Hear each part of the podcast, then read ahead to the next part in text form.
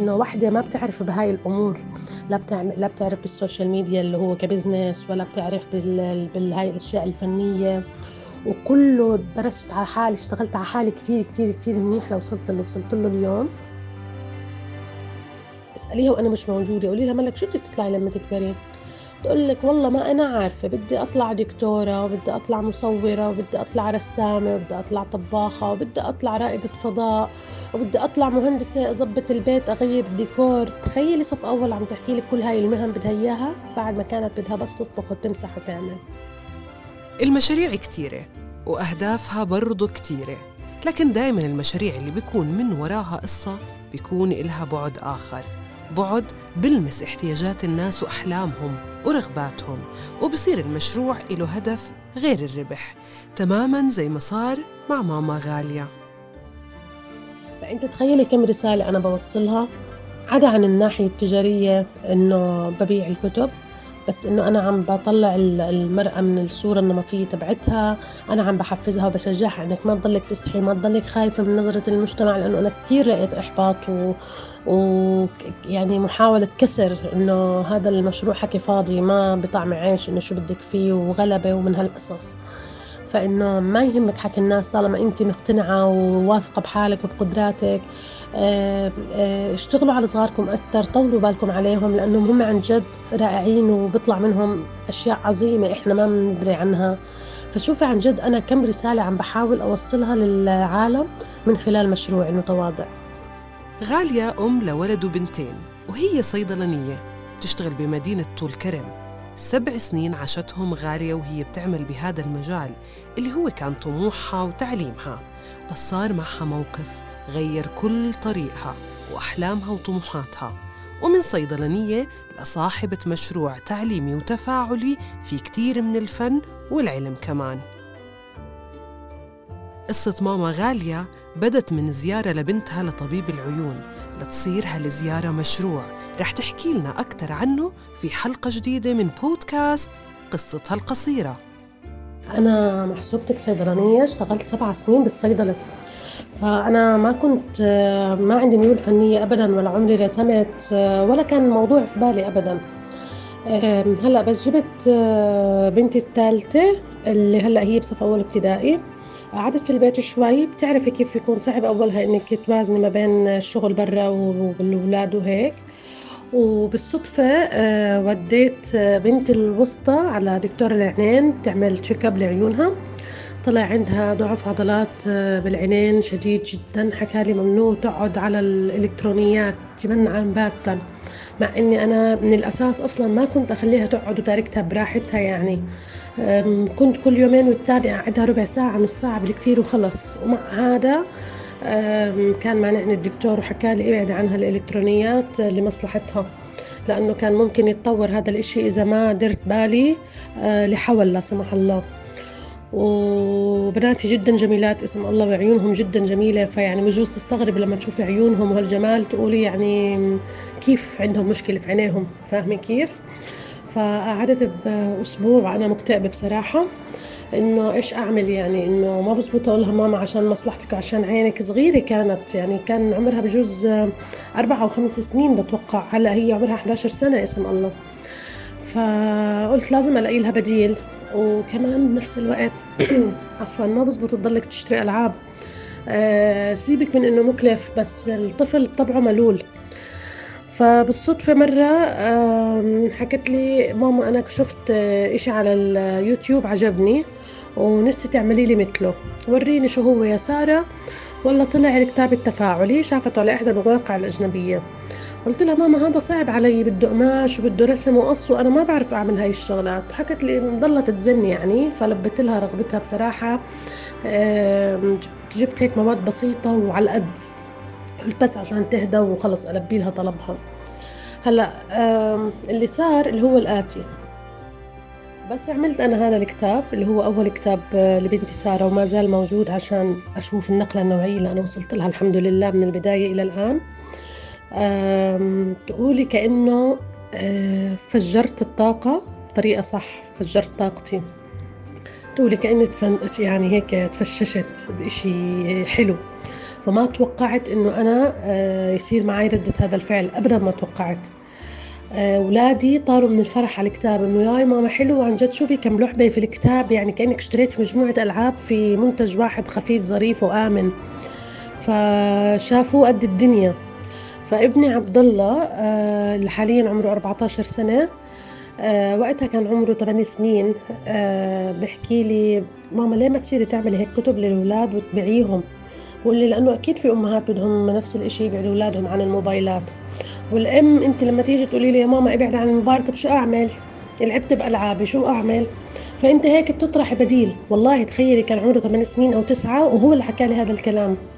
فضلهم يزنوا علي وبلشت أفكر في الموضوع من ناحية تجارية إنه يبلش المشروع. فهمت علي كيف؟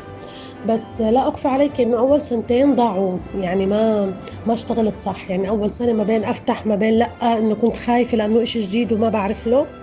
وتاني سنة خلينا نقول عملت أبو أربع خمس كتب بس للمقربين جدا عشان أشوف الصدى. لأنه هون بصراحة جدا محبط الوضع عنا. فالكل إنه إيش هذا؟ طب إنه شو بيستفيد منه الطفل؟ إنه طب ما إحنا بنجيب له لعبة جاهزة وخلصنا. فهمتي كيف؟ ما حدا عرف قيمته إلا زباين اللي جربوا ومن هاي التجربة الشخصية بدت الأحلام تكبر. والاهتمام بالتفاصيل يزيد عند غالية وصارت تطور مهاراتها وتشتغل أكثر على الموضوع من ناحية علمية وتستعين بالخبراء في كل المجالات لتقدر تقدم كتب وطرق تفاعلية مختلفة للناس. اللي صار إنه خلص حسيت حالي إنه لازم أتطور بطريقة علمية وفنية مش إنه رسمة عجبتني وأحطها وخلص. إنه صار يلفت نظري ليش مثلا هاي البنت هاي اللعبة بتعجب بنتي وما بتعجب بعد بنتي الثانية مع إنهم إخوات وبيلعبوا مع بعض وكل شيء. فوقت الحظر تبع الكورونا أنا كنت وقتها في عمان عند أهلي وكنت لحالي. فقلت يعني يا بنتي فرصة إجتك مش كل مرة من غير شر بتكوني لحالك. ركزي على شغلك وخدي استشارات ودورات وشوفي شو بتقدري تعملي لتتطوري. فبالفعل بدأت أخذ دورات تحليل شخصية دورات علم فراسة. ما تتخيل قد إيه ساعدوني لأعرف حالة أو شخصية الأم لما تتواصل معي والطفل كذلك. فصاروا الزباين يقولوا لي كأنك بتعرفينا كأنك بتعرفي ابني. يعني أنت عن جد عملتي له شغلة يعني أنا غايبة عني. فهمت علي لأي درجة ما أحلى الشغلة كانت؟ فصرت أعمل الكتاب أو المنتج بطريقة علمية فنية مدروسة. متخيلة كستمايز تيجي حجب حاجة الطفل وشخصيته وميوله وعمره طبعا ومناسب للأطفال الطبيعيين وذوي الاحتياجات الخاصة كمان للحالات الخاصة. فبتواصل أنا مع أخصائيين وبقول لهم حالة الطفل سواء كان عنده توحد سواء كان عنده ADHD آه، سواء كان عنده متلازمة داون أو whatever ال case بروح عند الشخص المختص وبقول له هيك هيك هذا حالة الطفل شو بتنصحني؟ آه، دكتور مثلا أعمل له أنشطة على أساس آه، ينشغل فيها وقته بطريقة صح وبنفس الوقت ننمي مهاراته الموجودة عنده. ومع إنه المشروع ببعد الأطفال عن التكنولوجيا لكن ماما غالية كانت واعية كفاية إنه تستفيد من التكنولوجيا لتطوير القصص التفاعلية اللي بتقدمها. تخيلي أنت قصة من قماش وكل الشخصيات فيها متحركة وفيها باركود. يعني أنا شوفي كمان الفكرة إنه التكنولوجيا مش سيئة بالمطلق لكن هي سلاح ذو حدين إذا استخدمناها بطريقة خطأ.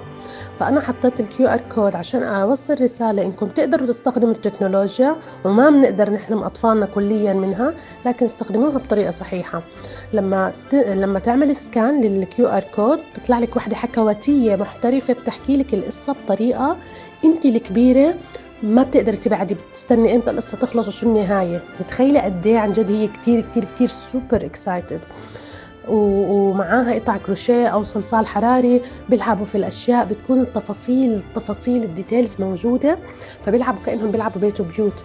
فمن خلال القصة بيكون عندهم تآزر بصري وحركي وسمعي وحسي وخيالي وتعزيز لغة تعزيز حصيلة لغوية. فشوفي انت الافادة من خلال منتج واحد. كل الصغار بحبوا القصص. ماما احكي لي قصة ماما احكي لي قصة. مش كل الأمهات بيكونوا فاضيين. مش كل الأمهات عندهم طولة بال. طب شو المشكلة وأنا أعطيتهم القصة وهي آمنة ما حضرهم بشيء وأفتح لهم ال ال الكود بدون ما أمسكهم الموبايل ويسمعوا القصة ويلعبوا ويستمتعوا. بتخيلي قد إيه التميز والإشي حلو؟ بس ما حدا بيعرف هذا الشيء لأني بشتغل لحالي وبشتغل بالبيت. فهمت علي وين مشكلتي؟ الجهود اللي بتبذلها ماما غالية هي جهود فردية. مشروع أم اختارت إنه تحول بيتها وتجاربها الشخصية لتفيد الناس وهيك صارت الصيدلانية صاحبة مشروع تفاعلي نابع عن تجارب شخصية. من بينها قرارها إنه هالمشروع لازم يكون له رسالة مش تجارية زي إنه يغير الصور النمطية للمرأة بعد موقف صار بينها وبين بنتها. كنت بسأل بنتي ملك اللي عمرها اللي صف أول ابتدائي. بقولها ماما أنت لما تكبري شو بدك تطلعي؟ بتقول لي أنا بدي أكون زيك.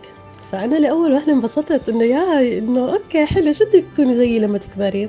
تقول لي بدي أكون زيك أطبخ وأشطف وأغسل وأكوي. آه آه بلاك أنت هيك شايفتيني ماما؟ تقول لي آه أنا بدي أكبر عشان أصير أعمل زيك. طيب هي مو شايفني هي ما وعيت علي لما كنت أنا في الصيدلية أشتغل. طب ما بتشوفيني ماما بشتغل ما بتشوفيني مثلا بطور بحالي ما هي هذا الحكي كلياته مش شايفته. فأنا كتير زعلت كتير كتير زعلت قلت عنه ياما يعني منه قيسي ياما كتير أطفال هيك بشوفوا إنه آخرة المرة بيتها. فهمتي علي؟ فقررت بناء على هذا الموقف أعمل مجموعة أحلام صغار. فأطلقت على العيد الصغير آه، أول مجموعتين اللي هي حقيبة الطبيب وحقيبة الميكانيكي. فطبعا خصصت أول حقيبة لبنتي ملك اللي هي حقيبة الطبيب.